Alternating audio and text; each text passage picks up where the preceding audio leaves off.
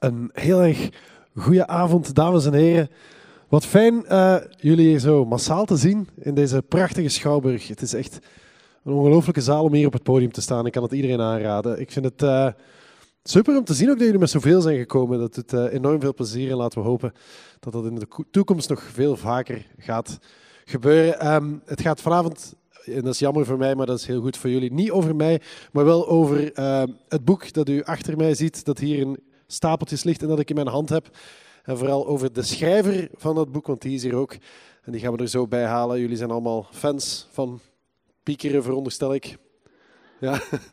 Of juist niet, fans van een goed boek, dat kan natuurlijk ook. Of jullie willen van het gepieker af, daar gaan we het allemaal over hebben. Hoe dat moet en of dat überhaupt wel mogelijk is. Er is ook uh, een fantastische muzikante. Mesker en gaat straks enkele nummers zingen. En we hebben een actrice, een zangeres en een soort beroepsneuroot, Nele van den Broek, die ook een uh, prachtige bijdrage gaat komen leveren. Met andere woorden, uh, het hoeft gelukkig allemaal niet van mij te komen vanavond, dames en heren. Ik zou zeggen, we gaan er de auteur van dit geweldige boek uh, bij halen. Geeft u hem een daverend applaus. Er is Filip Raas.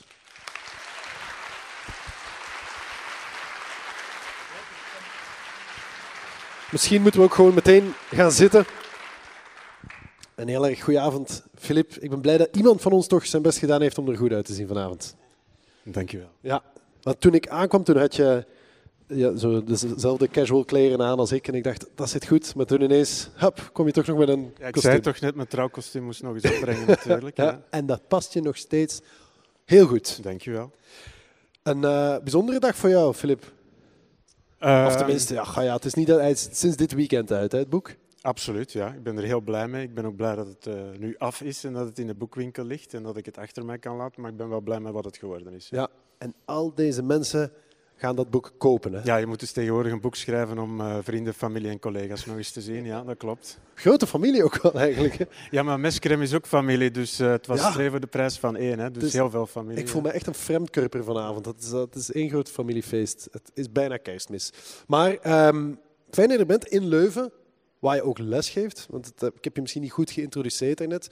Gedragstherapeut, klinisch psycholoog en hoogleraar psychologie aan de KU Leuven. Ja, hier vlakbij in de Tienstestraat. Ja, kom je nog wel eens in de aula? Uh, dat is lang geleden. Uh, dit jaar, of sinds de lockdown is ingegaan, ben ik drie keer uh, op mijn bureau geweest, denk ik. En dat was iedere keer in het kader van examens of herexamens. En nu vandaag en al de rest gaat van thuis uit achter de computer via heel veel zoomen. En er zijn gelukkig ook nog oefensessies en die mogen wel gelukkig doorgaan in de lokalen. Ja, dus er is nog enig contact met de student. Ja. Ja. Um, ja, je bent hier als, als auteur. Een boek over piekeren, iets waar je zelf ook geweldig goed in bent, blijkt uit dit boek. Dat heb ik met veel plezier gelezen. Uh, dus kunnen we zeggen dat je ergens van je hobby toch wel je beroep hebt weten te maken? Nee, want dan was ik misschien uh, zanger of drummer geworden of zo. Uh, piekeren zou ik niet meteen een hobby noemen. Nee, nee, nee. nee. Maar je bent er wel goed, je doet het veel. Uh, ik doe het veel en alsmaar minder, denk ik. Ja. Maar ik doe het nog altijd wel. Ja, ja, um, ja weg van het piekeren. Het is een boek over piekeren, maar het slechte nieuws is, je leert niet hoe je moet stoppen met piekeren. Daar had ik nu toch wel gedacht dat dat eventueel in het boek zou staan. Ja, maar dat, nee, staat, maar, ik heb maar het dat wil wel, het wil wel zeggen dat je het boek heel goed gelezen hebt, want dat klopt inderdaad. En je ziet soms die boeken wel eens in de boekhandel liggen, nooit meer piekeren. En ja, dat, is, dat houdt geen steek. En als je dan als uh, lezer met uh, die intentie dat boek leest, ja, dan, dan heb je er al gelegen, want dat, dat zal niet werken, dat zal niet lukken, stoppen met piekeren. Nee, maar gelukkig voor de mensen in de zaal of de mensen die het nog moeten lezen, je krijgt wel handige tips natuurlijk. Maar daar gaan we het straks uitgebreid over hebben. Misschien toch eerst heel even terug naar de essentie. Wat is piekeren precies, Filip?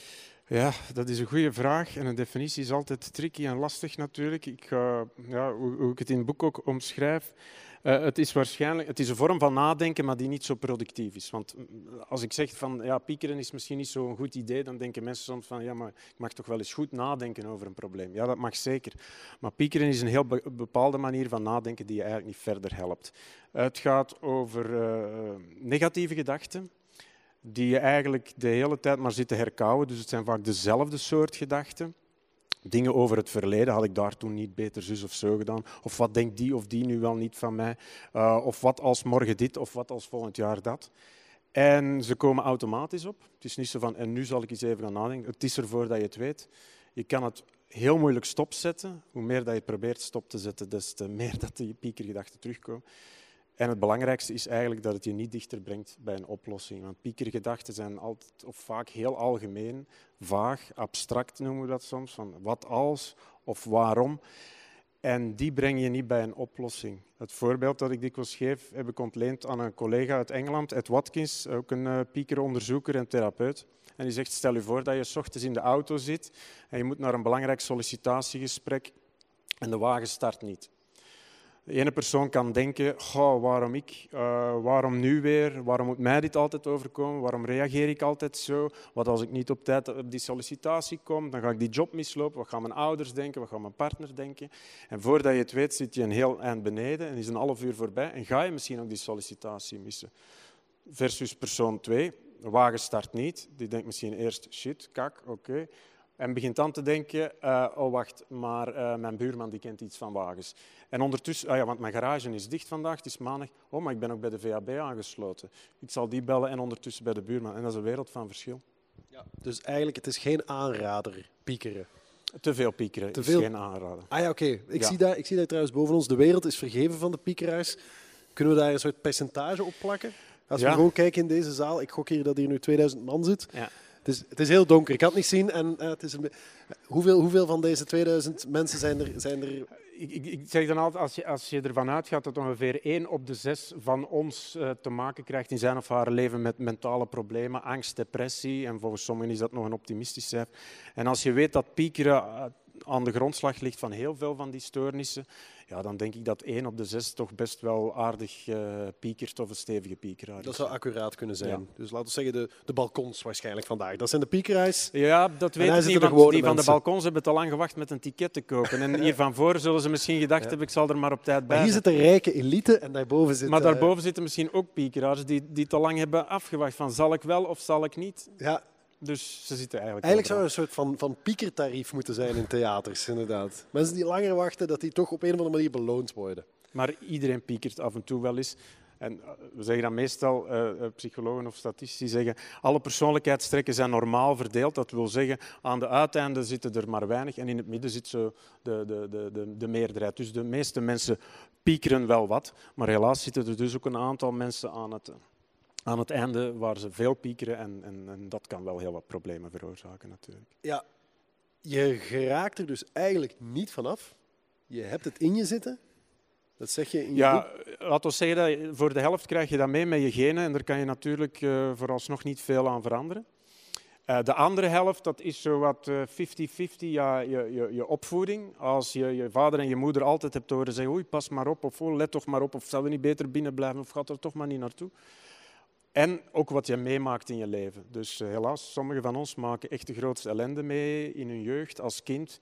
En dat zorgt er gewoon ook voor dat je alerter, ongeruster en meer gaat piekeren. Dus het is altijd een combinatie van de twee. En als je de twee hebt, dat je als een geboren piekeraar op de wereld komt en je maakt dan ook nog eens heel veel ellende mee, ja, dat is, uh, dat is uh, dubbele probleem. Ja, het beïnvloedt elkaar allemaal. Ja. Maar het begint, of het kan beginnen met dus een soort aangeboren ja, neurose? Of ja. je hebt Neuroticisme is eigenlijk die persoonlijkheidseigenschap waar piekeren een beetje onderdeel van is. En dat verwijst naar wanneer er iets vervelends gebeurt, dat je wat sneller alert bent, ongerust op je hoede, uh, misschien met wat meer stress, wat somberheid of wat angst reageert. En op zich is dat geen slechte zaak. Hè. Ik zeg het in het boek ook, we hebben dat meegekregen uit, uit de evolutie. Als we dat niet zouden hebben, ja, dan waren we er niet meer natuurlijk.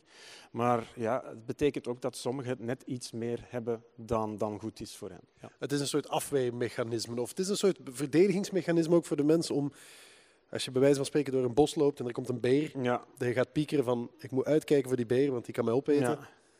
Ja, uh, maar wij kunnen ook goed nadenken. Dus piekeraars met dat neuroticisme, daar gaat dat neuroticisme ook hun denken besmetten natuurlijk. En als je die hun gedachten de vrije uh, loop laat, dan gaan die al wat sneller aan vervelende dingen uh, denken. En wij kunnen natuurlijk ook denken aan dingen in de toekomst. Van oei, die projectaanvraag moet volgende week binnen, want als ik die niet haal, dat is ook een dreiging voor ons. Maar ja, dat staat hier niet vlak voor mij, dus ik kan misschien gewoon beter dat project beginnen schrijven. En niet heel dat rampscenario zitten afdraaien natuurlijk. Ja, we zeiden het net al, het slechte nieuws is, nergens in het boek lees je hoe je moet stoppen met piekeren. Als je piekert, dan zul je blijven piekeren. Het is een soort onderdeel van wie je bent. En we gaan het allemaal in zekere mate wel doen. En daar is op zich niks verkeerd mee. Maar er zijn wel tips om ermee om te gaan. Om, en dat staat er ook, uh, actie als remedie. Ja. Om eigenlijk uh, tot actie over te gaan. Je hebt het daar over pita. Ja.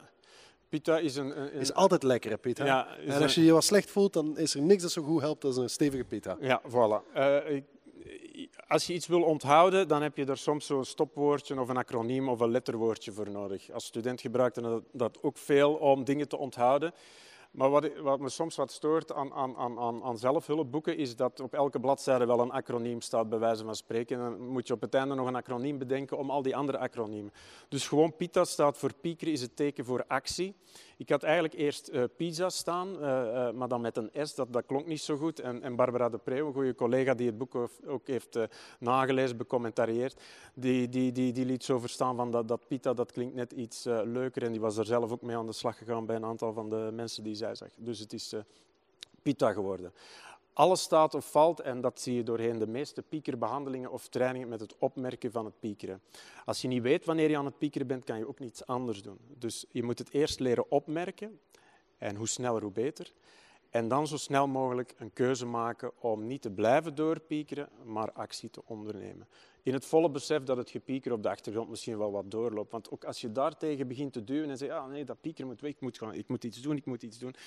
Als je in dat gevecht blijft zitten, dat komt altijd maar terug. Ik zei er straks, hoe meer dat je iets probeert niet te denken of te voelen, des te meer dat dat wel gebeurt. Dat noemen psychologen het witte beer fenomeen, naar een experiment waar proefpersonen gedurende een tijd eh, niet aan een witte beer mochten denken. Ja, doe dat maar eens natuurlijk. Dus die mensen begonnen nadien eigenlijk alleen maar meer en meer aan een witte beer te denken. Ik geloof dat dat uit een boek van Tolstoy komt, waar het hoofdfiguur tegen zijn klein broertje zegt ga maar eens in de hoek zitten en je mag eruit komen als je niet meer aan een witte beer denkt. Ja, die jongen werd knettergek in die hoek, want iedere keer als hij eruit wou, denk ik, ah oh ja, ik denk terug aan een witte beer. Dus, dus ik niet weet vechten... ook dat heel de zaal nu aan een ja. witte beer aan het denken is op dit moment. Dus niet vechten tegen dat gepieker en na verloop van tijd er misschien ook met de nodige ja, luchtigheid en speelsheid naar kijken. Maar oh ja, daar heb je het weer, ik ken het intussen. En dan aan de lijve gaan ondervinden dat het misschien beter en interessanter is om in een bepaalde situatie tot actie over te gaan. Je moet het monster als het ware in de ogen kijken. Ja, dat zijn zo van die leuke uh, metaforen. Dat ja, uh, het monster in de ogen kijken, maar het monster ook niet te veel voeden, bij wijze van spreken. En hoe dat je dat voedt, is door ermee in gevecht te gaan en zeggen: Ik wil u niet. En, uh, en, dan wordt dat alleen maar groter. En ondertussen gebeurt er voor de rest in je leven weinig of niks meer. Ja, want het kan ons lam leggen. Hè? Ja. Als we heel lang blijven pieken, dat zei je net ook, dan ben je in staat om gewoon de hele tijd, bij wijze van spreken, in bed te blijven liggen. In het meest ernstige geval. En dan ja. gebeurt er helemaal niks mee. Een manier om niet aan die beer te denken is bijvoorbeeld humor. Daar heb jij het ook over, hè? dat kan helpen.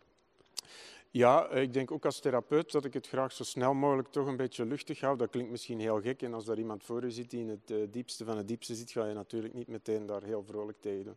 Maar ik probeer die toon er toch zo snel mogelijk uh, ergens in te brengen.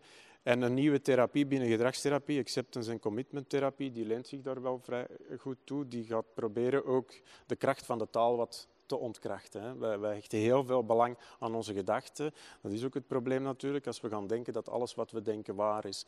Als ik denk dat ik hier nu over mijn woorden aan het uh, zit, nu raak ik niet uit mijn woorden. Het is dat, echt gênant, het is echt heel ja, erg. Ja. Ja, en dan ja, gedachten ook wat op een afstand zetten, ze eens een keer opschrijven, ze eens een keer uh, zingen, er vooral niet in meegaan, niet, aan, niet wegduwen en niet gaan aanhangen, zeg ik. Uh, meestal. Ja. En piekergedachten zijn een mooi voorbeeld van gedachten die we vaak hebben. Van ik stel niks voor, dat boek trekt op niks. Uh, uh, die mevrouw daar is aan het geven en die denkt eigenlijk van ah, waar, blijft mescrème? Dan, dat is piekeren en ik, ik, heb dan de keuze, ga ik daarin door? Ja, dan weet ik al wat er gebeurt. ik ben niet meer aan het opletten, ik ga misschien wel over mijn woorden strakelen en het wordt geen goed interview. Of ik kan zeggen van ja, die gedachte is daar, ik ken mij, dat is een piekergedachte dat moet nu toch wel lukken. Zeg. Ik ben hier een boek over piekeren aan het voorstellen. Nu ben ik aan het piekeren. Ik laat de gedachte voor wat het is. En het kan zijn dat die mevrouw voor meskrem komt. Ja, en dan, dat is maar goed ook. Dat is, eh, dat is alleen maar normaal, zou ik denken. Ja. Alleen nee, dat is vooral voor, uh, omdat meskrem heel tof is. Nee, ja, eh, ja zie, nu, begin ik weer te denken. Ja, nee, nee, nee, nee, nee, nee, maar. het is inderdaad wat, wat fascinerend, of tenminste wat, wat interessant is, is natuurlijk, wat je al gezegd hebt, dat je het eens moet erkennen of herkennen dat je, dat je daarmee bezig bent. En het is iets waar we onszelf op kunnen betrappen, als het ware, om dan eigenlijk tot die actie over te gaan. Ja. slapen is ook zo'n moment, hè? of tenminste niet slapen vooral, waarbij Ja. we vooral aan het piekeren zijn. Dat zullen ook heel veel mensen herkennen, veronderstel ik. En slapen is een eh, moment waarop dat er nog weinig afleiding buiten ons is natuurlijk. Hè. Oh, eh, activiteiten waar dat we heel erg met onze aandacht moeten bij zijn en fysiek actief zijn, dat zijn de beste eh, killers van piekeren. Ja, en in je bed lig je meestal ook gewoon stil. Er is weinig of niks afleiding. Volgens sommige evolutionair psychologen is het dan ook donker en nacht en ben je meer kwetsbaar, dus moet je alert zijn. En dan gaan we ons wat eh, zorgen eh, beginnen maken. Dus ja, eh, wakker liggen eh, is iets wat eh, chronische piekeraars uiteraard eh, zeer goed kennen. Ja, maar dat was heel interessant en ik weet niet of ik dat al mag vertellen, want dat las ik in het boek en dat vond ik een zeer goede tip. Dat als dat zo is en je herkent dat alweer, of je betrapt jezelf op piekeren, dat je dan beter kan zeggen, hup, bed uit. Ja, daar moet ik iets misschien over vertellen. Dat is een klassiek eh, eh, ingrediënt van, van slaaptrainingen die, die, die mensen ook krijgen wanneer het over zo insomniestoornissen eh, gaat. Eh, het probleem bij veel mensen die lang wakker liggen is, ja, wat gebeurt er dan eigenlijk? Je ligt in je bed, wat je normaal eigenlijk alleen maar slaapt of iets anders doet. En je ligt dus wakker en je, je hersenen, je lichaam begint eh, eh, het bed, de slaapkamer, eigenlijk te associëren, te verbinden met, met wakker liggen. Dan wordt het moeilijk natuurlijk voor onze hersenen om in dat bed te gaan liggen en in slaap te vallen, want die hersenen denken van ja, hier liggen we weer, we gaan lekker wakker liggen. Dus eigenlijk moet je ervoor zorgen dat de percentage tijd dat je in je bed wakker ligt zo klein mogelijk wordt. En hoe doe je dat in het begin? En dat is soms best doorbijten in het begin. Je merkt op na 20 minuten, 30 minuten, ik lig nu nog altijd wakker. Dan ga je even de kamer uit. Je gaat in de kamer daarnaast iets anders doen. Iets dat niet te inspannend is en ook niet iets dat te leuk is. Hè, want dan ga je dat nog leuk vinden om, om niet eh, in je bed te liggen. En ook niet iets waar dat je een winst bij hebt. Zo van nog snel wat mails voor morgen doen. Best handig zo wakker eh, zijn. En dan als je wat slaperig begint te worden, ga je terug in je bed liggen. En als je dan na 20 of 30 minuten nog altijd wakker bent, weer. En zo toch op het origineel geplande moment opstaan. Dat wil zeggen dat je in het begin echt wel heel, heel moe bent. Maar na verloop van tijd slaag je erin om het bed terug te associëren, ja niet je hersenen, het bed te associëren met slapen en ga je veel minder tijd nog wakker liggen in je bed. Dat is op zich wel een zeer handige tip die iedereen kan gaan gebruiken. Ik wil maar zeggen, omdat we het daarnet hadden over, over in het boek staat misschien geen pasklare oplossing Nee. om helemaal te stoppen met piekeren. Maar dit soort dingen zijn natuurlijk heel makkelijk toe te passen. Omdat Ja, heel veel Maar mensen... als mensen zich daarin her- her- herkennen en ze zeggen van god, ja, ik lig eigenlijk nu al weken, uren, uren wakker zonder dat er werkelijk waar een of andere grote stressbron in hun leven is. Er zijn in de meeste universitaire ziekenhuizen slaaplabo's waar dat je die, die, die trainingen kan volgen en die ook voor een groot stuk worden terugbetaald door de meeste mutualiteiten in België. En daar is dat één onderdeel van. En daar leer je nog veel meer over goede slaaphygiëne. Ja, goede slaaphygiëne is heel belangrijk. We gaan het straks uitgebreid hebben over andere dingen die in je boek eh, tenminste aan bod komen. Maar speciaal voor die geeuwende dame denk ik dat we het... Ik heb niemand zien, zien zitten. Ah, ja, Nee, nee, we ah, hebben haar allemaal gezien. Op. Je kunt dat niet zien. Ah ja, dat is daar inderdaad handig, zo'n mondmasker. Nee, eh, ik had het beloofd en eh, eh, speciaal ook wel een beetje voor Filip natuurlijk. Het is een, een familiefeest vandaag. Gaan we er iemand bij halen die... enfin, het, is, het is een ellendig jaar op vele vlakken, maar ook op muzikaal vlak. Er zijn een paar lichtpuntjes en een van die lichtpuntjes die was zo goed om hier vanavond een paar nummers te komen spelen. En u mag haar een daverend applaus geven natuurlijk. Mesker en Mees!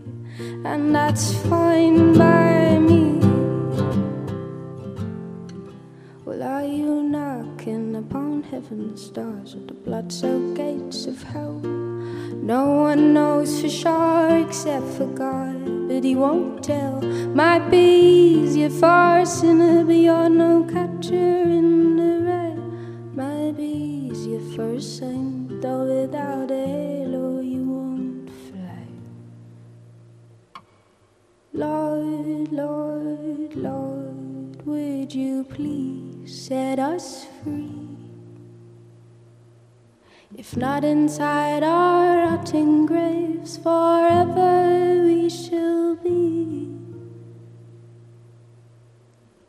All that's left of you, right next to all that's left of me.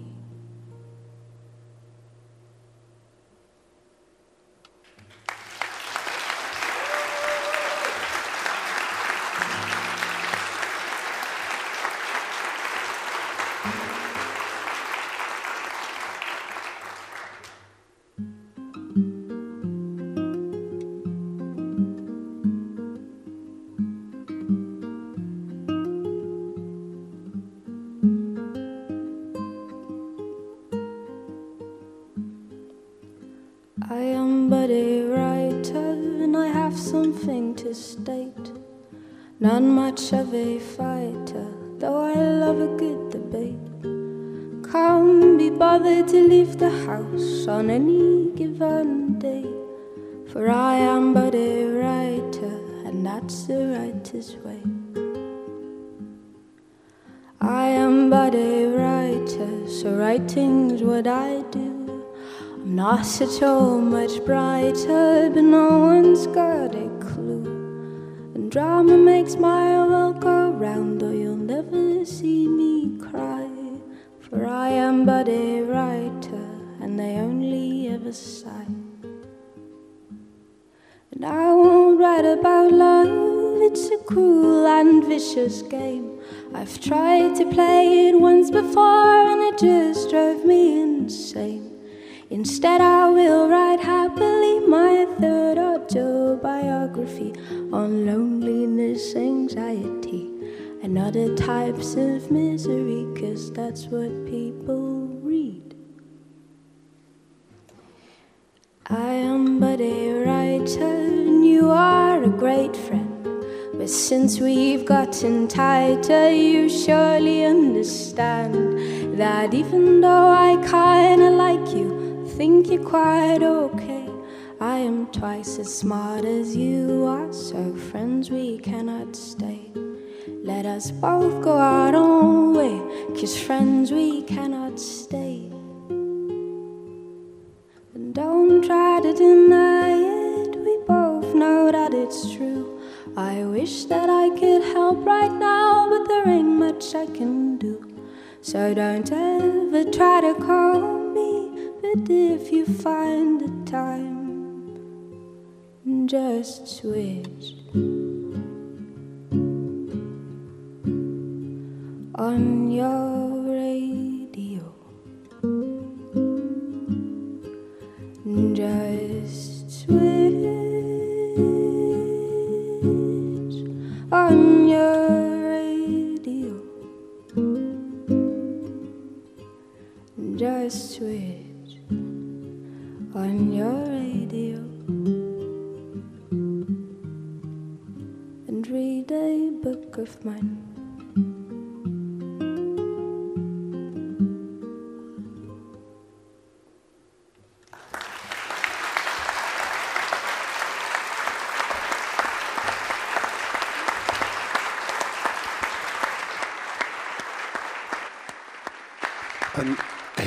voor Mesker en Mees. Dank u wel. Kom er maar even bij zitten. Mes- ja. Mensen wouden nog door applaudisseren, doe maar. Hè. Dat is, eh, maar voilà. Als dat spontaan ontstaat, dan mag je dat vooral niet afbreken natuurlijk. Eh, eh, fijn dat je, er bent op deze ja, familie-happening. eh, toch een klein beetje. Jullie kenden elkaar, dat, dat, dat was nieuw voor mij. Maar, eh, maar eh, het is lang geleden dat jullie elkaar nog gezien hadden? Heel lang geleden. Is het waar? Ja, ik kan er geen datum op, op kleven de laatste keer dat ik u nog gezien We heb. komen elk jaar eh, één keer met kerst samen. en vorig jaar was je er niet bij, denk ik. Nee, helaas. En dit jaar eh, ja, hebben we dit, want... eh, Dit jaar is kerstmis er niet bij natuurlijk. nee. Maar dan is het toch goed dat je voor de gelegenheid een boek hebt uitgebracht. Want dan... eh voilà, jullie te zijn. Wel, jullie hebben eigenlijk... Jij, jij, jij een boek jij, met muziek dit jaar. Ja. En, en prachtig muziek. Ik had je nog nooit live gezien, dus ik ben heel blij dat dat hier vanavond gebeurt. Ik had u ook nog nooit live gezien. Ah, wel hè. En veel dikker dan op tv, hè? Dat, dat zijn niet mijn woorden. Ja, maar kijk, ja. Nee, dat is waar, maar dat, dat is voor iedereen een heel erg mooie avond eh, vanavond. Mes Krim, jij bent piepjong nog. Is, is, als ik jou zie, dan zie ik een en al rust en, en, en, en, en kalmte. Is dat ook eh, wat er in jouw hoofd omgaat? Ja, ik denk dat dat vooral te maken heeft met dat ik daarnet bijna was in slaap gevallen. In de loge. Oké.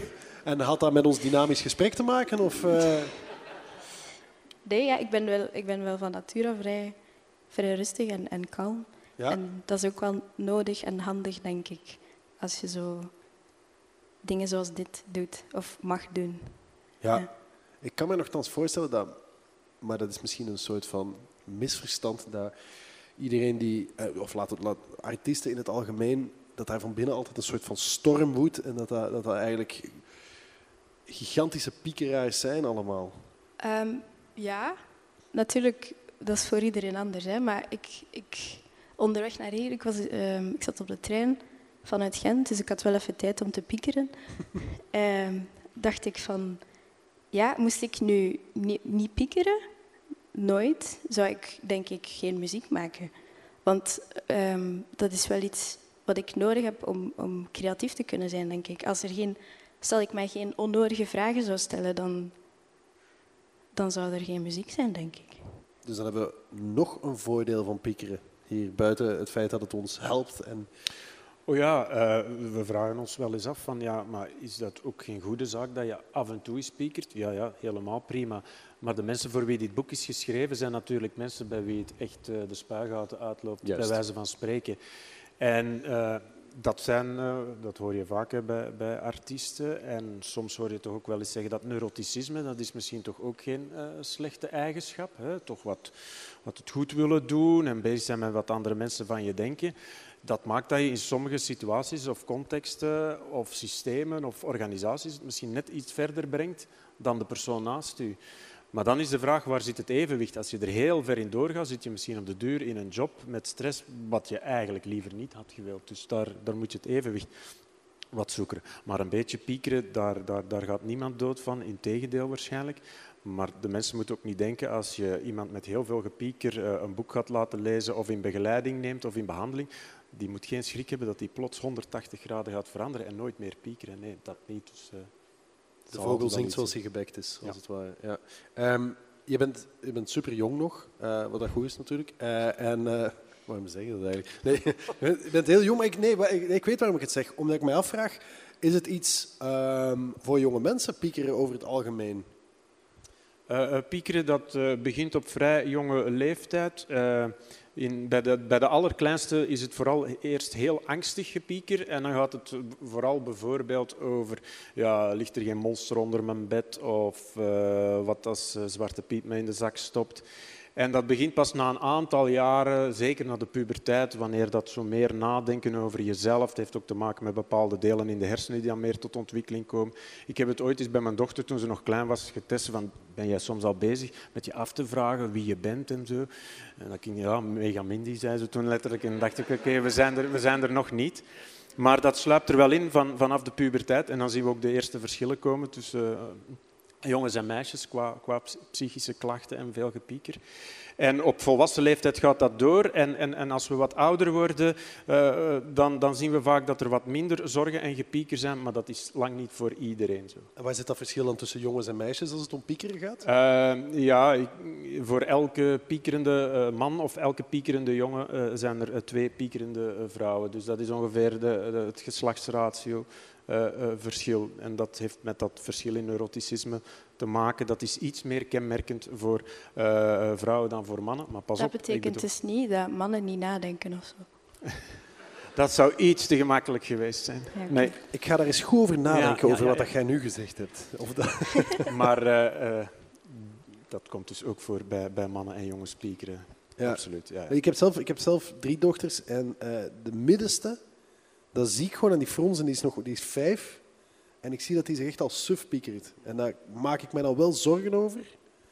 Ik weet ook niet hoe, hoe, hoe, want dat is een, jong prutske natuurlijk, moet je die al van tevoren... Ik, ik kan haar dit wel gaan voorlezen, maar daar, daar gaat ze nog niet geïnteresseerd zijn eigenlijk. Nee, wat, wat, dan soms nog... Ik herinner me nog dat ik aan de schoolpoort stond bij, bij de kleuterschool en, en dat mijn twee kleinsten daar afzetten. En ik zag al soms dat die zich natuurlijk wel eens bezighielden met wat vriendjes en vriendinnetjes van hen denken of zo. Nog niet op die echt overdenkende manier. En ik dacht van, allee, stop er toch mee. Zei ik tegen mezelf, van, tegen mijn kinderen in mijn hoofd. En ik draaide me om en ik stapte weg en ik betrapte mij direct al op, op allerlei piekergedachten bij mezelf. Ik zeg van, ja, oké. Okay. Wat je soms kan bedenken als ouder is dat je wat meer gaat uh, model, ja, wat meer voordoen hoe dat jij omgaat met piekeren. En zo ook laat zien en horen dat jij dat af en toe doet en dat dat niet zo gek is en dat het niet zo vreemd is. En hoe jij er dan mee omgaat, dat je dat dan opmerkt en zo, oh ja, nu ben ik precies aan het piekeren. Was, was jij er net ook aan het of waar zat je aan te denken? Ja, weet je wat dan soms helpt, is dat ik gewoon bij jullie kom zitten of toch even mee in de hof uh, mee kom, uh, kom voetballen bijvoorbeeld. En dat je dat gewoon laat zien en dat dat de normaalste zaak van de wereld is. En dat zij kunnen zien dat jij ook niet wegloopt van je gedachten en vervelende gevoelens, maar er gewoon over uh, kan praten. Het klinkt alsof dat, dat allemaal in werkelijkheid zo gaat. Perfecte gezin daar. Hè? Ik zie, ja, ja. Lees het boek maar. ik, uh, um, nee, maar goed, als je, het, je moet het bij jezelf herkennen, maar het helpt dus ook om het bijvoorbeeld bij je kinderen te herkennen en het dan te benoemen en te bespreken. Ja. Um, Meskermi was net aan het vertellen dat het je kan inspireren hè, tot het schrijven van je nummers of het maken van je nummers. Is het ook omgekeerd, dat ik kan, of tenminste, ik kan me dat voorstellen dat als je bijvoorbeeld vastgeraakt in een gepieker of, of, of negatieve gedachten, dat je zegt, ik pak mijn gitaar en ik gebruik dat als een soort uitlaatklep om voor alles uh, stop of stil te zetten? Of uh, werkt het zo niet? Um, dat is een goede vraag. Dat is mijn enige vanavond. ja. Ik had het speciaal voor jou voorbereid. Um, ja, het is, het is een, een, inderdaad ook wel een soort van uitlaatklep, maar niet altijd degene waar ik direct naar grijp of zo. Ja. Um, ik ben ook niet van type dat um, tegen Jan en alle man gaat vertellen wat er zich allemaal afspeelt in mijn hoofd. Dat zeker niet. Maar ik merk dan toch ook wel dat dat misschien een beetje een, een generatieding is. Dat ik er wel um, veel van mijn vrienden en zo daarover kan aanspreken, omdat zij ook wel direct weten wat ik dan bedoel of zo. En dan denk ik, misschien is dat omdat je als jong persoon een uh, beetje minder om je handen hebt dan gewoon letterlijk. Hè. Je hebt geen kindjes die naar de voetbal moeten of, of je moet niet denken van ah ja, uh, ik moet nog eten maken, want mijn mama gaat dat wel doen of ik ga frieten gaan halen in het frituur of zo. Je hebt gelijk meer tijd of zo, waardoor je dan misschien ook meer geneigd bent om dingen te, af te spelen in je hoofd. Ja. Je haalt nog iets interessants aan, wat ik mij wel afvraag ook. Je zegt jouw generatie is misschien meer in staat om dat te delen met elkaar. Dat is niet gek om daarover te praten. Dat is wel iets wat veranderd is, kan ik me voorstellen, ten opzichte van onze generatie. Ik denk dat wij min of meer even oud zijn. Laat staan de generaties boven ons. Uh, is het ook zo dat dat, dat dat tegenwoordig, en is dat een voordeel, dat er meer over gepraat kan worden? Ja, dat het meer gebeurt is zeker zo en dat het een voordeel is ook. Ik denk dat ik ergens in een boek schrijf, of, of ik heb het tegen een journalist verteld deze week, denk ik. Toen ik op het college zat, uh, uh, ja, uh, die, ik ga overdrijven, hè, die gingen er allemaal kapot van de faalangst. Maar, maar we wisten niet wat dat was. En er werd, laat staan, over gesproken. Dus, uh, uh, en nu zie je dat wel meer. En ja, voor een groot stuk dankzij al die sensibiliseringscampagnes uh, natuurlijk. Hè. En ja, ik kan niet genoeg beklemtonen hoe belangrijk dat het is om te praten over dat soort gevoelens. Zeker ook wanneer het niet zo'n prettige gevoelens zijn. Maar we zijn er nog lang niet hoor. Ik denk dat er nog altijd wel een beetje dat taboe op rust. En zeker over naar de hulpverlening stappen als dat nodig is. Het is ook, voor mij eigen is het ook altijd makkelijker om die, die stap te zetten naar een vertrouwenspersoon toe. En dat is dan altijd in de eerste plaats een vriend of een vriendin en dan ook van mijn eigen leeftijd. De stap zetten naar echt hulp is, is nog altijd groter dan die eigenlijk zou moeten zijn, denk ik. Ja, dus dat klopt en dat sluit aan bij wat je zegt. Inderdaad, daar zijn we nog niet. Um, we leven natuurlijk ook, we hebben het er zelfs nog niet eens over gehad vanavond, denk ik, maar het, het is ook een bijzonder jaar. Um, corona lijkt mij iets waar een mens alles makkelijk over kan piekeren. Ik weet dat, dat ik het doe. Ik weet dat ik bewust ook bijna geen nieuws meer volg, gewoon om mijzelf een klein beetje daartegen te beschermen. Uh, ik, ja, ik weet niet of daar al, daar zal ongetwijfeld onderzoek naar gedaan zijn, maar dan zal er toch een soort piekerpiek zijn momenteel als het gaat over... Ja, er zijn een paar studies eh, geweest die het zo vrij snel zijn beginnen opvolgen tijdens, bij het begin van de lockdown en die nu nog wel doorlopen. Uh, uh, zelf hebben we het ook gedaan aan het Vlis, waar, waar de papa van Meskrem uh, werkt. Familie en dan zagen we, uh, familie, zagen we inderdaad, en wij niet alleen, dus die andere studies ook, dat mensen wel degelijk aangaven dat ze tijdens die lockdown meer stress, wat angst hadden en, en meer gepieker. Maar dat is het beste voorbeeld meteen om aan te tonen dat gepieker ook voortkomt uit wat we meemaken. Het is niet plots dat er meer, uh, piekeraars, uh, in, allez, meer pieker in onze genen zit. Dat is gewoon een abnormale situatie. Uh, het is wat bedreigend. We hebben er weinig controle op. We kunnen dat niet goed voorspellen. Ja, daar krijgen we stress van en daardoor gaan we piekeren. Dat is een heel normale reactie op een abnormale situatie. En voor de meesten zal dat wel weer keren natuurlijk. Het is natuurlijk wel voor de, de, mensen die al wat last hadden van angst, eh, depressie of andere psychische moeilijkheden, ja, dat dit er nog eens dubbel bovenop komt natuurlijk. En, en, en als we dan zagen dat die vaak van de hulpverlening wegbleven tijdens de lockdown, ja, dat was een beetje, ja, dat, dat, dat, dat, dat verontrustte ons toch wel. Maar gemiddeld genomen gingen we meer piekeren. Ja. ja. Maar op zich is dat dus niet vreemd. voor de meesten kon je dat gewoon benoemen als een, een normale, uh, normale reactie op eigenlijk een heel abnormale situatie. Ja. Uh, Meskrem, ik ga je zo meteen vragen om uh, nog een nummer te spelen. Dus jullie zitten nog even naast elkaar. Als er nog dingen zijn die jullie in de familiale sfeer met elkaar moeten bespreken, doe dat dan nu. En dan geeft mij dat de gelegenheid om alvast iemand anders erbij te halen. Uh, ik zei het net al, een andere zangeresse gaat vandaag niet zingen. Ze gaat uh, vandaag ook niet acteren, dat doet ze ook. Ze gaat het hebben over haar eigen neuroses, haar eigen uh, angst en gepieker. En daar schrijft ze regelmatig columns over. En ze verdient een applaus en wel van jullie, dames en heren. Nele van den Broek.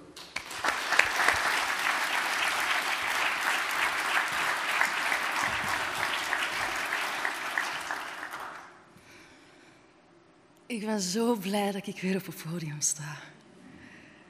Um, goedenavond. Ik ben Nele en um, ik ben 1 op 6. Uh, ik doe een paar dingen in dit leven. Uh, Eén daarvan is langdurig in therapie zijn. Een ander is, ik schrijf soms stukjes voor de krant over mijn mentale gezondheid of het gebrek daaraan. En dit is er eentje van. Het heet Het panel in mijn hoofd.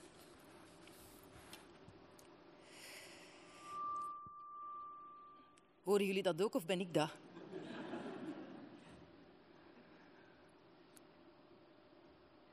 Vandaag lag ik een hele dag in bed. Ik heb niks gedaan. Je moet wel je tanden poetsen, zegt de tandarts in mijn hoofd. Toen poetste ik mijn tanden. Toen lag ik met gepoetste tanden weer in bed. Vandaag lag ik een hele dag in bed. Ik probeerde te eten. Een instant soep, een boterham met choco. Je moet beter voor jezelf zorgen, zegt de voedingsdeskundige in mijn hoofd. Gezonde voeding is een belangrijke bondgenoot van je mentale gezondheid. Maar om naar de winkel te gaan, moet ik een propere onderbroek aantrekken en een paar bij elkaar passende sokken zoeken. Ik moet de grenzen van mijn lijf terugvinden en die in een broek, een trui en een paar schoenen hijsen. Ik moet een straat afleggen, een mandje nemen, een krop sla uitkiezen. Ik moet met trillende hand een bankbiljet aanreiken en een paar woorden uit mijn mond persen die voor gezonde menselijke interactie kunnen doorgaan. Laat maar. Ik sla die sla wel over. Zo ga je je natuurlijk nooit beter voelen zegt de voedingsdeskundige in mijn hoofd. Vandaag lag ik een hele dag in bed. Stilstaan is achteruitgaan, zegt de manager in mijn hoofd. Ik zet mij half rechtop en neem 50 selfies. Op één ervan lach ik vrij overtuigend, zie je mijn wallen niet en valt mijn kin in een flatterende plooi van blijdschap om mijn nieuwe plaat. Die post ik op Facebook. Koop mijn lach, koop mijn album. Het gaat zo goed met mij. 100 likes en niemand met wie ik praten durf. 20 ongelezen mails, een digitale augiestal. Mijn laptop ploft moedeloos weer dicht. Dan maar achteruit gaan. Zo word je nooit een ster, zegt de manager in mijn hoofd. Ik ben geen ster, antwoord ik. Ik ben een zwart gat. Gaat het nog? Vandaag lag ik een hele dag in bed. Er staan 35 minuten lopen op je trainingsprogramma, zegt de coach in mijn hoofd met de stem van Evi Gruijaert. Ik kan niet, zeg ik. Ik ben moe. Achteraf zul je je beter voelen, zegt de coach in mijn hoofd, weer met de stem van Evi Gruijaert. Laat mij met rust, schreeuw ik. Kom achteraf niet klagen, zegt Evi duidelijk gekwetst door mijn uitval. Vandaag lag ik een hele dag in bed. Ik ging niet naar een museum, ik zag geen vrienden, ik dronk geen koffie, ik ging niet even wandelen. Ik heb geen twintig minuten gemediteerd. Je moet werken aan je welzijn, zegt de gedragstherapeut in mijn hoofd. Actief ontspannen. Probeer eens een ademhalingsoefeningen. Zes stellen in, Zes stellen uit. Na 36 geef ik het op. Het ruisen van mijn hart doet te veel pijn. En nu is het ook nog eens mijn eigen schuld, omdat ik niet genoeg mijn best doe om mij beter te voelen. Maar ik doe wel mijn best. Ik doe mijn best zoals een plakje kaas tussen twee boterhammen in een toaster zijn best doet om niet te smelten. Vandaag lag ik een hele dag in bed. Niets nut schreeuwt de politicus in mijn hoofd. Profiteur, parasiet van de samenleving. Een hard activeringsbeleid, dat is wat jij nodig hebt. Sancties voor wie niet werken wil. Een controlearts die in tien minuten vaststelt dat er niets mis met mij is. Dat enkel een diep gewortelde luiheid mij ervan weerhoudt om vandaag mijn plaats op de arbeidsmarkt in te nemen. Want werk, dat is het allerbelangrijkste in dit leven, toch? Werken zo je. Ik zou nooit stemmen op de politicus in mijn hoofd. Vandaag leg ik een hele dag in bed. Rustig, zegt de vriend in mijn hoofd. Je hebt veel gewerkt. Je hebt een plaat en een monoloog en het script voor een, script voor een musical geschreven. Het is oké om een dag te rusten. Ik probeer de vriend te geloven. Ik heb niet veel vrienden in mijn eigen hoofd. Vandaag is geen goede dag, zegt de vriend.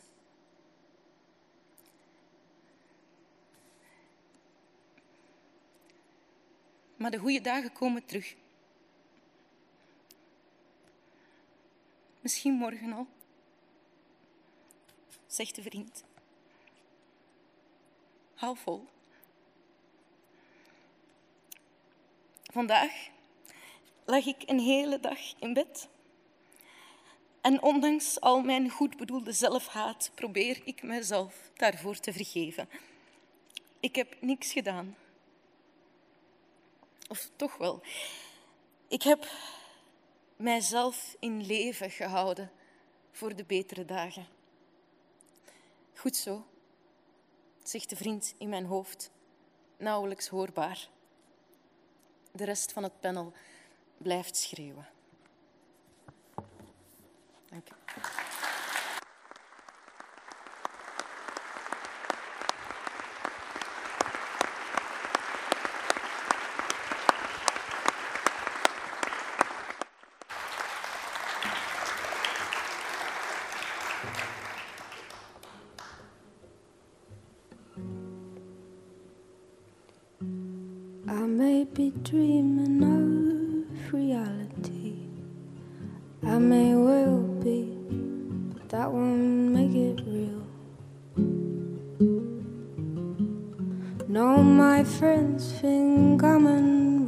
I love them, though they don't know how I feel.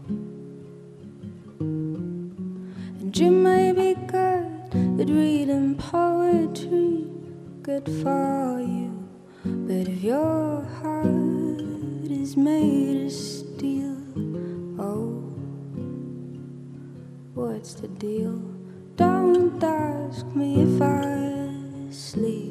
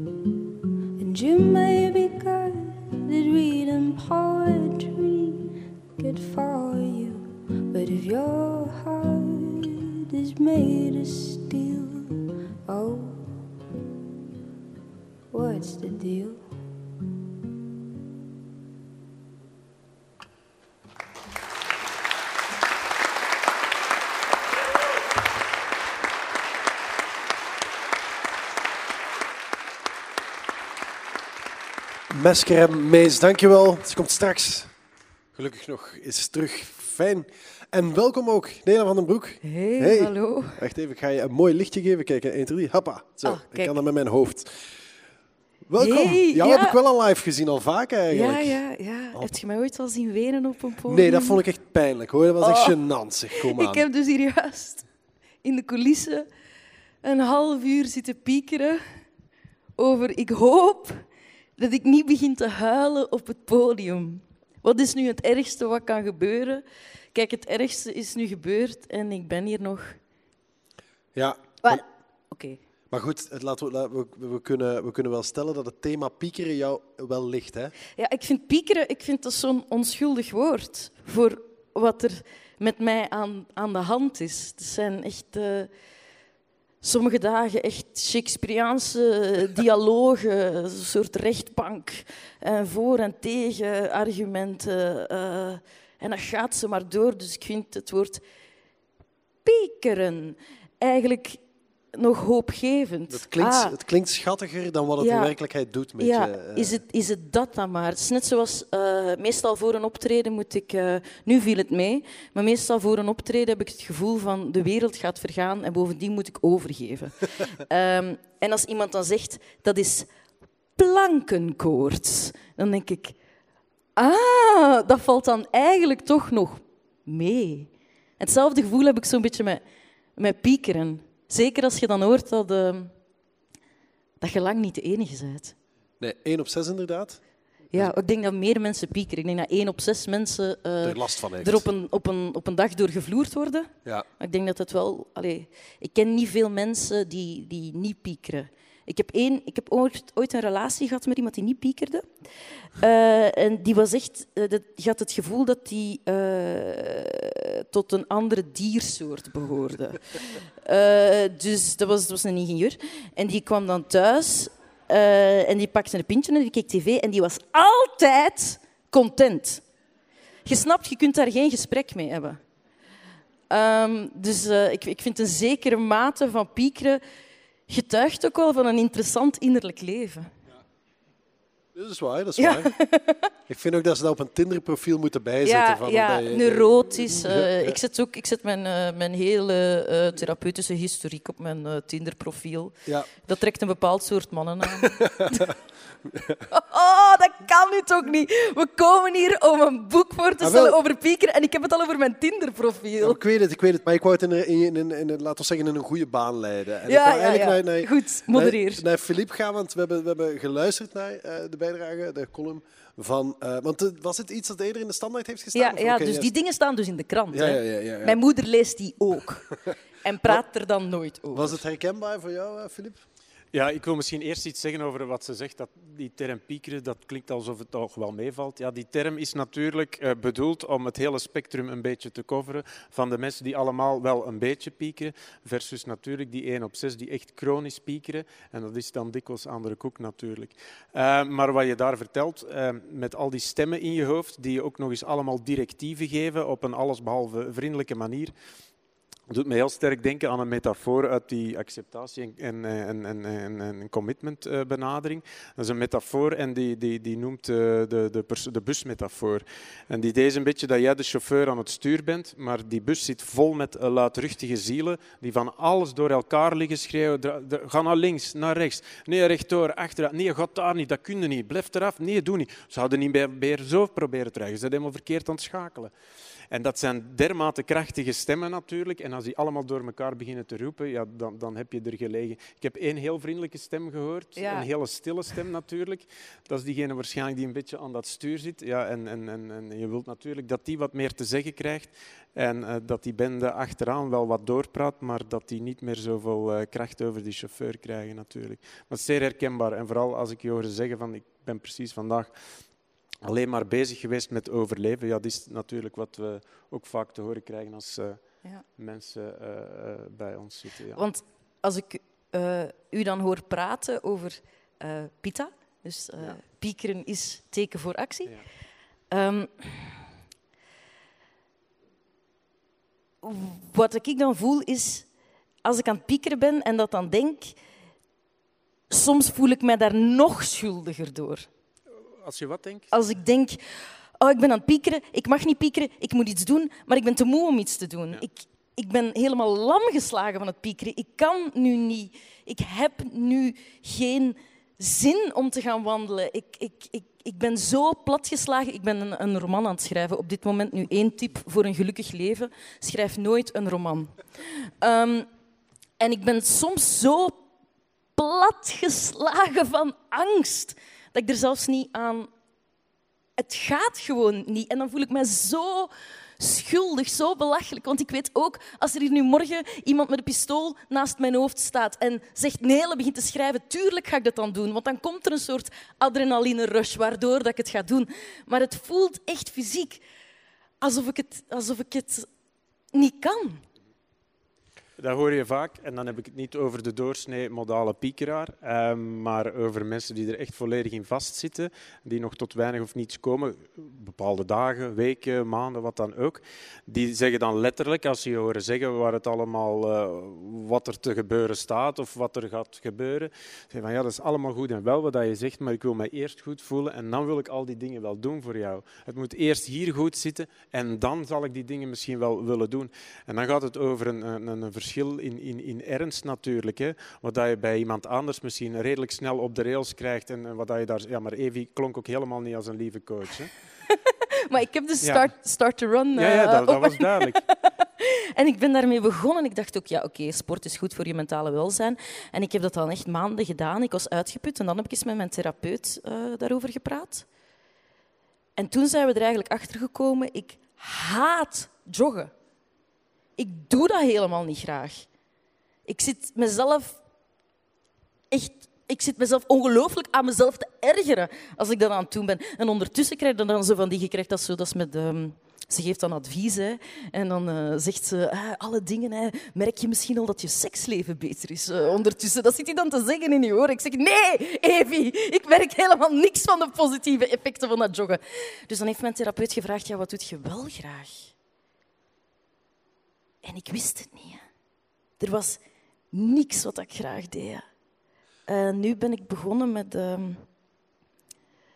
omdat alle dingen, zoals jij aan, aan Meskeren vroeg, van, kun je die gitaar dan gebruiken als je uitlaatklep? Al die dingen die ooit mijn uitlaatklep... Ik vind dat zo'n vies woord, uitlaatklep. Dat is precies dat je een klep ergens hebt. Maar al die dingen die ooit mijn uitlaatklep waren, die zijn nu mijn job. En daar moet ik mij in bewijzen en de beste zijn. En, en ik kan mijn ukulele niet meer oppakken of ik moet een, een hit schrijven. En ik ben beginnen borduren. Ja, ik wou net zeggen, boekhouden of zoiets. Misschien wil je dat dan eens proberen. Ja, dingen die... Ja, ja. Die wat minder... Maar ik... Ja, maar dat doe ik ook.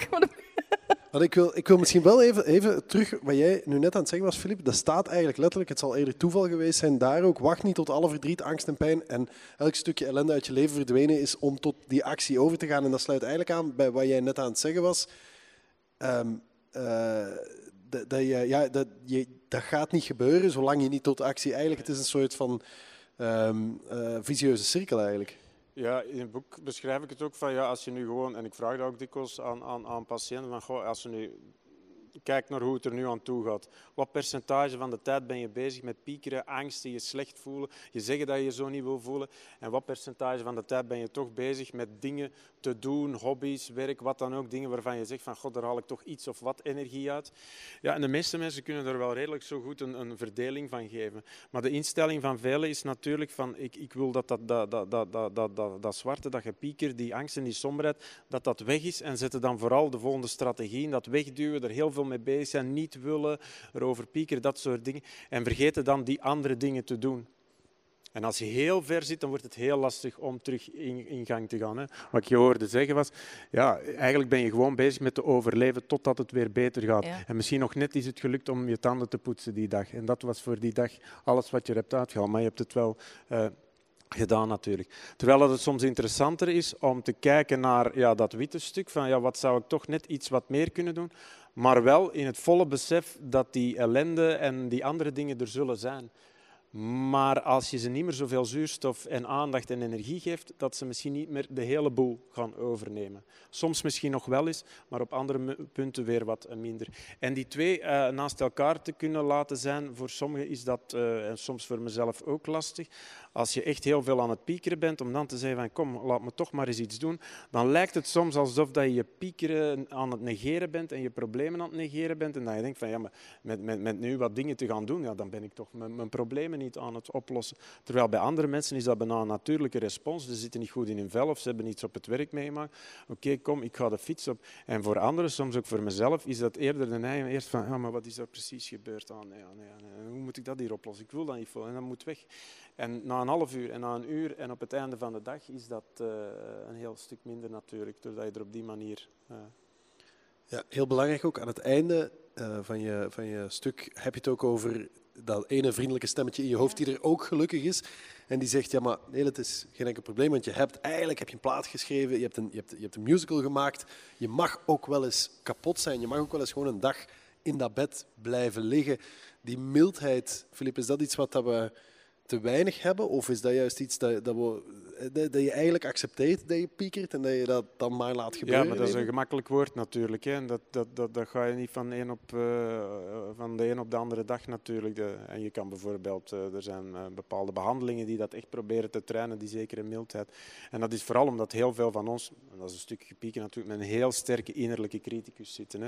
Heb je dat meegekregen van waar dan ook? Dat is misschien niet altijd zo belangrijk, soms wel. Maar de hele tijd op jezelf zitten kappen en basje, dat is, ja, dat is, dat is een van de verschrikkelijkste dingen die, die, die je moet zien gebeuren soms eh, bij mensen. En als dat op het hele einde van dat spectrum zit, ja, dan ga je er niet komen met wat zelfzorgtips. Hè, want ik kan dat niet genoeg beklemtonen, wat je ook in dat boek leest over, over fysiek actief zijn, wandelen, wat dat jij ook zegt. Dat is gezonde zelfzorg. Eh, geestelijke gezondheidszorg naar een hulpverlener of een therapeut gaan, dat is natuurlijk nog iets anders. Hè. Ik bedoel, het is goed dat we allemaal aan gezonde zelfzorg doen, maar daar alleen ga je er niet mee komen als je bij die eh, één op zit. Dan heb je soms iemand nodig die tegenover je of naast je zit, als een, liefst een, een, een betere coach, liefst geen life coach, maar een goede professionele therapeut, die het dan samen met jou, want dan kan je dat niet. Dan, dan gaat dat Ja, niet. maar dus koop dit boek of u wordt zoals ik. Nee, dat vind ik niet mooi gezegd. Nee. Alleen ik ben u dat verkopen. Ehm, eh, even piekeren, ja, kom. Hè, het is, je, je kan het ook gewoon heel erg goed, hè, piekeren. Ja, ik ben er echt... eh, het is een soort hobby ondertussen. Waar, is- waar, waar pieker je eigenlijk het meest over? Heb je een, Ehm, is dat, gaat dat over banale dingen of is dat dan toch eerder ook gewoon veel groter? ik kan soms piekeren over schaamtelijke dingen die ik gezegd heb twintig jaar geleden. Daar ben ik heel, heel goed in. Ehm, wat er tijdens deze lockdown bijgekomen is, en dat had ik nooit verwacht, ehm, is hypochondrie. Dus ik heb dat nooit gedaan. Ik vond dat altijd iets voor mannen. Ehm, maar dus, eh, ik zat dan tijdens die, die lockdown, was verschrikkelijk. Dat was eh, als, allee, voor een piekeraar. Je zit alleen opgesloten. Ik zat alleen opgesloten met mijn eigen gedachten. En mijn gedachten, dat is iets wat ik niemand toewens. Eh, en op een bepaald moment is dat zo ontstaan dat ik elke dag een beetje begon te googlen. De dingen die ik voelde in mijn lichaam, eh, begon ik te googlen. Eh, aan het einde van de dag had ik dan altijd een nieuwe ziekte. Het was altijd iets vreselijk zeldzaam, een auto-immuunziekte. waar ik fratten van zou krijgen en, en dat soort toestanden. Dus dat, dat, dat is zo'n nieuwe. Dat ik, ja. En pieker je ook wel eens over het piekeren, over dat je te veel piekert? Dat lijkt me, dat is misschien dan zo het, het metapiekeren heet dat toch? Hè? Ja, ja, ja. bestaat toch echt? Weet je wat het moeilijkste is? Gewoon de microbeslissingen van elke dag. Ehm, ik heb geen baas, hè, dus ik moet mijn eigen dag inrichten. Ga ik nu schrijven, drink ik nog een koffie. Ha, ik heb nog een koffie gedronken. Ha, ik ben niet beginnen schrijven. Ha, het is eigenlijk al om zeep voor vandaag. Och, weet een hele krapt gewoon in de bed. Het gaat niet meer lukken. Je bent niet op tijd begonnen. Ah, fuck, je je Facebook gecheckt. Ah, je je Facebook nog eens gecheckt. Ah, je Otto... Ah, je hebt, nee, je hebt geen Facebook. anders, anders zou ik het wel. Ik zal een, ik zal een maken voor Ja, je. zo die hele... Die kleine eh, micro-oordelen die ik de hele dag... Ik sta meestal word ik echt, echt eh goedgezind wakker. Ik ben een ochtendmens, ik sta goedgezind wakker. En ik heb soms het gevoel dat ik met mijn handen een soort... Mijn handen zijn gevuld met water en ik, dat is zuiver water en ik probeer dat door de dag te dragen. Maar dat, dat gaat altijd door mijn vingers en s'avonds is dat weg. S'avonds is er niks zuiver meer in mijn kop. Omdat ik de hele dag heb zitten kletsen op mezelf. Ik weet het, maar dan heb je er wel weer iets heel moois over geschreven. Ik weet niet of je het ook echt op top geschreven, maar die, zo, als je- Ja, zoals je het nu nee, vertelt, voilà, denk ik van, amai, Ja, voilà, ik zal het straks opschrijven. is, ik heb, eh, het is waardevol, Nele. ik heb Het is een, eh, ik heb een WhatsApp-conversatie die heet eh, Praten met mezelf. En dat is een WhatsApp-groep waar ik het enige lid van ben.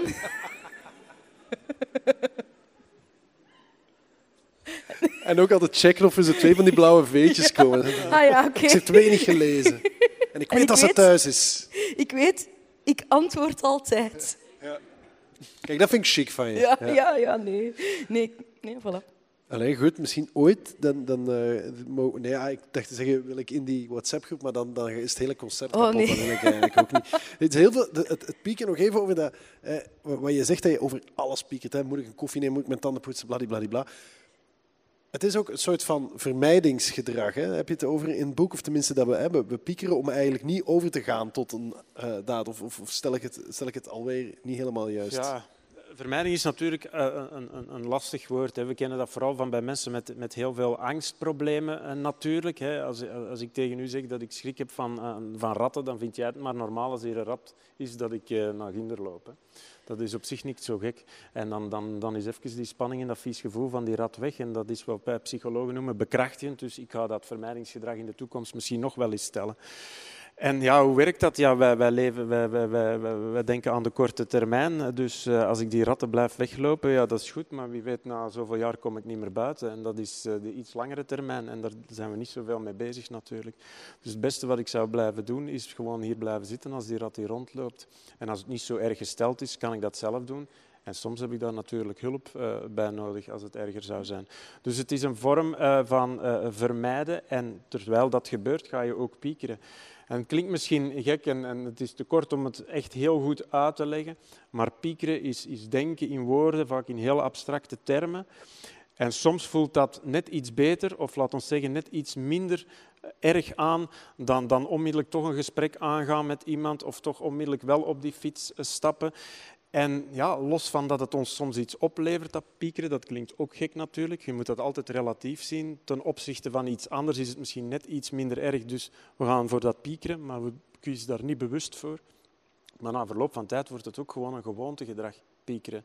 En dan heeft het niet meer te maken met of het nu wel of niet iets oplevert. Maar je komt gewoon in een, in een, op, een- op een plaats waar dat je vroeger veel piekert of waar dat je vaak piekert. En hup, die piekergedachten zijn er zo. Die worden gewoon getriggerd door bepaalde situaties of context die zo sterk met dat piekeren zijn, zijn eh, eh, verbonden.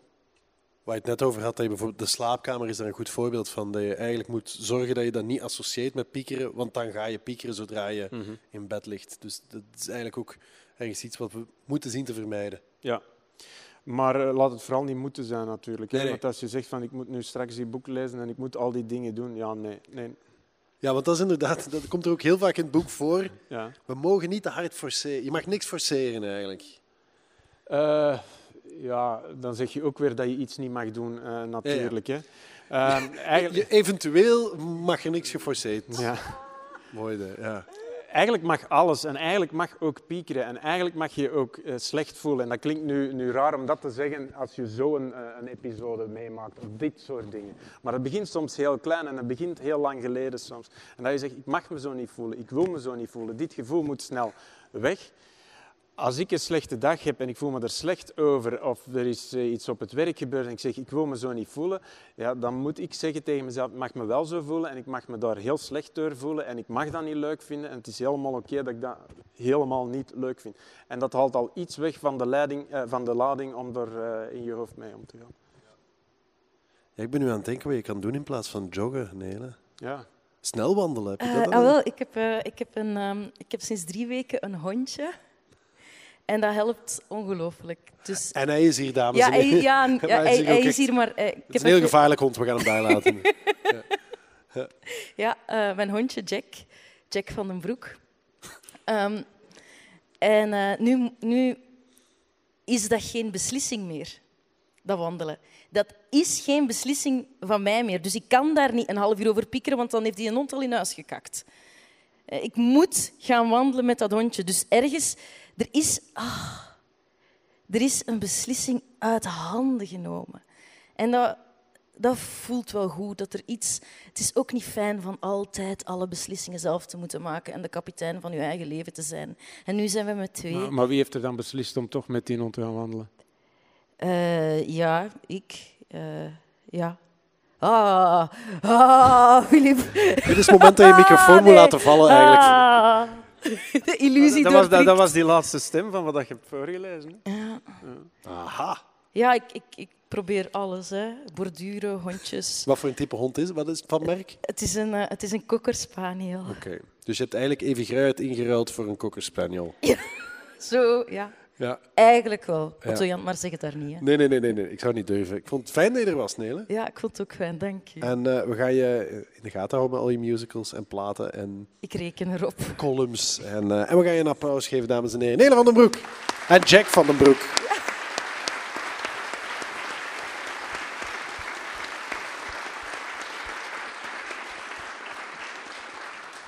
Erg moeilijk applaudisseren als je ook een microfoon vasthoudt. Ik heb dat geleerd om dat zo te doen. Ehm, ik, eh, ik, ik heb niet echt een idee over de timing, maar ik, ik denk dat we nog wel even tijd hebben, Filip, om eh, ehm, de, de, het, het boek... eh, want hoe, hoe lang heb je precies aan, aan gewerkt? Heb je daar een idee over? Nee, het, is eigenlijk vrij- het- heeft lang geduurd voor ik begonnen was. Dus veel gepieker ervoor misschien. Eh, maar dan, het was eigenlijk voor de lockdown was het meeste geschreven. Ik moet heel veel pendelen. Eh, drie uur per dag op de trein, eh, anderhalf uur heen en terug. En het is daar gewoon eh, geschreven, meestal op de trein. Ja. Ja, dat is wat. net één we moeten vaker een trein nemen. Ik denk dat dat nu wel duidelijk is. Ja, maar nu ben ik er toch niet meer zo'n fan van, helaas. Nee, Ik had dat- meer stress om de trein te nemen er straks dan om hier te moeten zitten. Ja. Ja. Ehm, hard aan gewerkt. Blij met het resultaat, veronderstel ik. Ja, ik denk als ik dit boek misschien twee jaar geleden had geschreven, dan zou ik er niet zo tevreden over zijn. Ik denk dat ik hoop dat als ik dit boek binnen vijf jaar zou moeten schrijven, dat het er niet veel anders zou uitzien dan wat er nu in staat. Wacht, dat moet je nog even uitleggen. dat ging heel snel. Ja, ik heb het heel slecht Ja. gezegd. Ja. Oké, ik kan nu beginnen pieken. Nee, actie, ik ga het opnieuw herformuleren. Eh, ik denk dat als ik een boek over piekeren zou moeten schrijven, eh, binnen tien jaar, als als ik het nog eens zou moeten doen binnen tien jaar of binnen twintig, nou, binnen tien jaar, dat het er niet gek veel anders zou uitzien dan nu.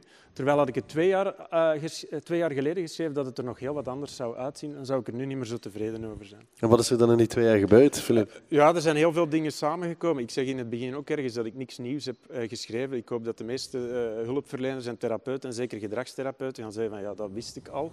Het zijn een aantal dingen die, die voor mij zijn samengekomen. Acceptatie- en commitmenttherapie, eh, mindfulness, oplossingsgericht werken, eh, gedragsactivatie, exposure-therapie. En die komen eigenlijk gewoon heel mooi samen in wat ja, wat wij hier in, ja, dat mag ik eigenlijk wel zeggen, hè, er is nergens ter wereld zo'n mooie gedragstherapie als in Vlaanderen. Die doet het nog altijd op de ja, echt metier-stijl, eh, wat we noemen functionele gedragsanalyse. Dat is een veel te moeilijk woord, ik ga het uitleggen. We moeten eigenlijk gewoon kijken wat eh, we doen in welke situatie en wat de gevolgen daarvan zijn. Piekeren is ook gedrag. Je, doet in het, je komt in een bepaalde situatie, je begint te piekeren. Ja, Oké, merk eens op, wat is daar het gevolg van na, na twee minuten? God, ja, ik heb het gevoel dat ik ermee bezig ben. Eigenlijk is dat nog niet zo slecht. Binnen een half uur, ja, ik voel me eigenlijk toch niet zo goed. Op het einde van de dag, ja, ik zit in zak in as. Ik ben uiteindelijk ook niet buiten gegaan. Dat was wel de planning. Oké, zou je kunnen proberen om de volgende keer in die situatie, bij wijze van experiment, laat ons eens kijken wat er gebeurt, om dan dat te doen in plaats van dat gepieker. En laat dat gepieker op de achtergrond maar doorlopen, hè, dat is daar, dat gaat nooit helemaal weg zijn. Maar doe eens iets anders en laat ons eens kijken wat er gebeurt. Na een halve minuut.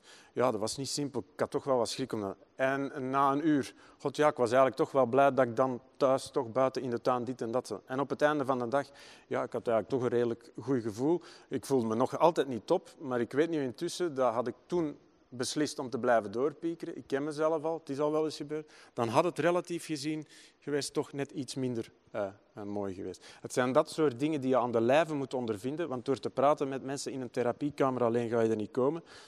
En mensen keer op keer, Piet Huizentruid gewijs, zeggen, als je dat doet, wat gebeurt er dan? En als je dat doet, wat gebeurt er dan? Wat heb je nu geleerd? Wat zou je nu de volgende keer misschien net iets meer of vaker kunnen doen? Hoe lastig en moeilijk dat het ook is natuurlijk. En ja, wat je hier ziet, en voor die 1 op 6 is dat natuurlijk knap lastig. En ga je heel laag inzetten en moet er iemand naast je zitten die dat samen met jou doet. Maar voor heel veel mensen die gewoon af en toe aanlopen tegen gepieker en het gevoel hebben van ja, misschien doe ik dat toch vaker dan mijn lief is en loop ik misschien toch wel wat dingen mis. Misschien moet ik toch eens kijken of ik in sommige situaties kan zeggen van god ja, daar heb je dat gepieker weer. Plezant is anders. Het is daar, ik ben niet de enige, maar misschien kan ik mijn tijd en energie nu even daarin steken. Hoe lastig misschien dat het ook even is om die, om die stap te zetten. En als het dan lukt, ga ik dat goed onthouden voor de volgende keer. Blootstellen eigenlijk, als het Ja, ware. ja. dat is ja, eh, nog een moeilijke collaboratief empirisme. Samen met iemand anders, met uw patiënt in dit geval, gaan uitzoeken ja, wat, wat, wat leert de realiteit ons als je dat doet. Echt een experiment. Ja, en als het dat is, ja, wat zou je dan de volgende keer beter of anders eh, kunnen doen? Ja, het is heel gek, want het klinkt eigenlijk heel eenvoudig. Hè?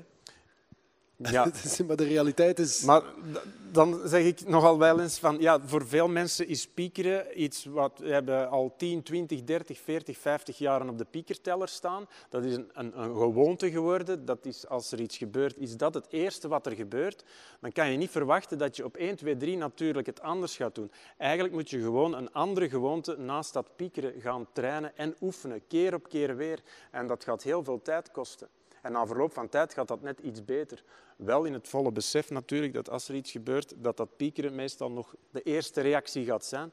Maar als je jezelf traint in die andere, andere strategie om ermee om te gaan, dan gaat die misschien wat krachtiger worden en het soms net iets vaker of sneller halen. Maar het piekeren afleren als eerste respons, dat gaat niet. Dat, dat, dat kan niet. Nee. Eh, het, lijkt me wel, of, eh, het lijkt me wel een boek dat je, dat je niet te ver weg moet leggen. Je moet het lezen en dan moet je het in de buurt houden. Want dit, zei- dit is raad die je meeneemt, maar die je wel dreigt weet te vergeten. In die zin hè, dat, dat meestal bij dat soort goede voornemens die verdwijnen op een gegeven moment. En dan verval je weer in die oude eh, slechte gewoonte, waar je net zegt van we hebben vaak heel veel piekerjaren op de teller staan.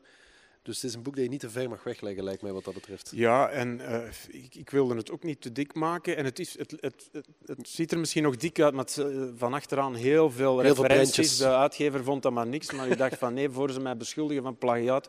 Eh, ik ben alle dingen gaan uitzoeken van oei, oei, wie had dat de allereerste keer ergens opgeschreven. De eindnoten zijn soms wel leuk, want daar zitten nog wat anekdotes in, dus die, die misschien wel lezen. Dus het is echt wel dun, omdat mensen zo snel mogelijk gewoon het anders kunnen gaan doen en, en, eens, en eens uitproberen. Dus ik heb ook niet honderd en duizend en één tips en zo, want dan, dan, dan weten mensen op het einde van het boek ook niet meer wel- welke tip moet ik nu gebruiken en in welke situatie. Ja, dus gewoon één, één, één woord van ja, piekeren sneller opmerken, eh, niet tegen duwen, niet tegen vechten, laat het daar gewoon maar zijn en probeer ondertussen toch, hoe lastig in het begin misschien ook, en soms moet het met iemand anders, toch even iets anders te doen en kijk wat er dan gebeurt. En weten dat je dan ook nog niet meteen op tafel staat, eh, zal staan springen van het plezier en dat het soms iets heel langzaam is. Maar je gewoon trainen in ja, beter zicht krijgen op hoe werkt dat hierboven, wat is mijn eerste reactie soms en kan ik eens proberen om het wat vaker anders te proberen en wat levert me dat op. Niet op de heel korte termijn, maar soms al op binnen een half uur of op het einde van de dag. Ja. Ben je nu niet bang dat door dit boek je toch een klein beetje zo door iedereen zal worden belaagd, iedereen die piekert, en dan zijn er dus veel dat iedereen jou gaat weten te vinden? Ja, dan ga ik nee moeten zeggen. Hè. Kan je dat goed, Filip? Eh, soms al wat beter dan, eh, dan anders. Ja. Ja. Heb, je, heb je vanavond, misschien in de aanloop naar vanavond, of hier, terwijl je zelfs aan het praten was of aan het luisteren, veel gepiekerd? Eh, kijk, het is beter meegevallen dan ik op voorhand had gedacht, dus dat moet ik ook weer goed onthouden. Ik zei al, ik had meer stress om de trein te nemen hè, door heel die eh, corona dan, dan om werkelijk eh, hier te zitten. Ik heb me natuurlijk wel afgevraagd. Ik wist ongeveer, ik weet niet wie hier allemaal in de zaal zit, maar hier zitten ook heel ervaren therapeuten naar wie ik heel erg opkijk. Dat ik dacht van, ja, Otto Jan Ham gaat misschien eens een vraag stellen waar ik niet onmiddellijk het antwoord op weet of waarvan dat die eh, therapeut dan denkt van, god, nou had hem toch dit of dat kunnen zeggen. Of ja, Wat is de hoofdstad van... ja. Maar dat, dat vind ik niet erg, want daarvoor zit ik hier niet. Dus eh, mocht je... eh, ja, oké. Ja, nee, ik heb, ik heb, eh, ik, nee, ja, echt, dat- wat dat betreft overschat je mij geweldig als interviewer. Echt waar. Ik ben al lang blij dat ik heel het boek heb kunnen lezen. Echt waar. Dus, eh, ehm, nee, eh, oké, maar heel goed. Wat, wat was het mooiste compliment dat je zou krijgen van iemand die het boek gelezen heeft? Eh, ik heb van eh, een journalist van VRT, die dus heel veel boeken eh, leest, eh, die heeft me laten weten dat hij het echt een goed boek vond en dat hij het echt heel graag eh, eh, gelezen heeft en dat hij er echt heel veel eh, eh, mee is en dat hij het zeker ook aan heel wat mensen ging, ging eh, aanbevelen. En, en ja, dat het vrij vlot eh, leest, eh, het schijnt. Eh, Ja. Mijn vrouw had het als een van de eerste gelezen en ik weet, ze kan heel kritisch zijn en dat heb, heb ik graag. Ik heb niet graag dat mensen zeggen van ja, het was goed, terwijl dat dan achteraf blijkt dat... En ze had het gelezen en zegt ja, het is echt, het is echt goed. En dan was ik gerustgesteld. Ja. Oké, ik, ik kan ook zeggen dat, dat de, de, de hele avond wat dat betreft ook zeer goed verlopen is, vind ik zelf. De boeken zijn hier, ze liggen in de winkels sinds afgelopen Ja, eh, weekend geloof weekend. ja. Maar ik neem aan dat, dat ze hier ook wel te koop zijn Het zometeen. schijnt, heb ik gehoord, ja. Ja, voilà. En met een beetje goede wil kan er wel een coronavrije handtekening nog ingezet worden. Ja, ja, het gaat van op afstand en niet te lange druk- drukke rijden. Ja, en zo. en dat Ja, boek een kwartier in een chloorbad en dan kan je dat ook wel eh, doorgeven. Eh, met jou goed vinden, beste Filip, zou ik wel met muziek willen eindigen. Absoluut, heel graag. Want je hebt een getalenteerd familielid.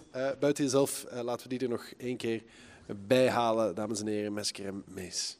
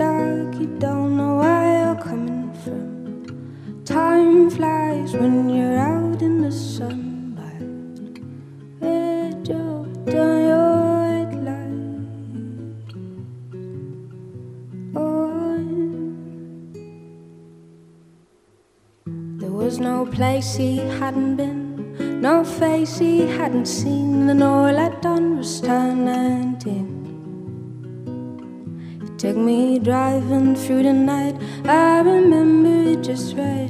Told me you loved me, come light. Hey Joe, turn your headlights on. The road is dark, you don't know Time flies when you're out having